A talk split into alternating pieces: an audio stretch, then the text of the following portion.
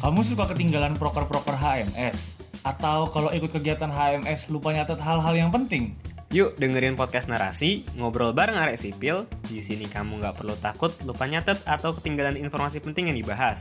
Karena podcast ini bisa kamu akses kapan pun dan di mana pun.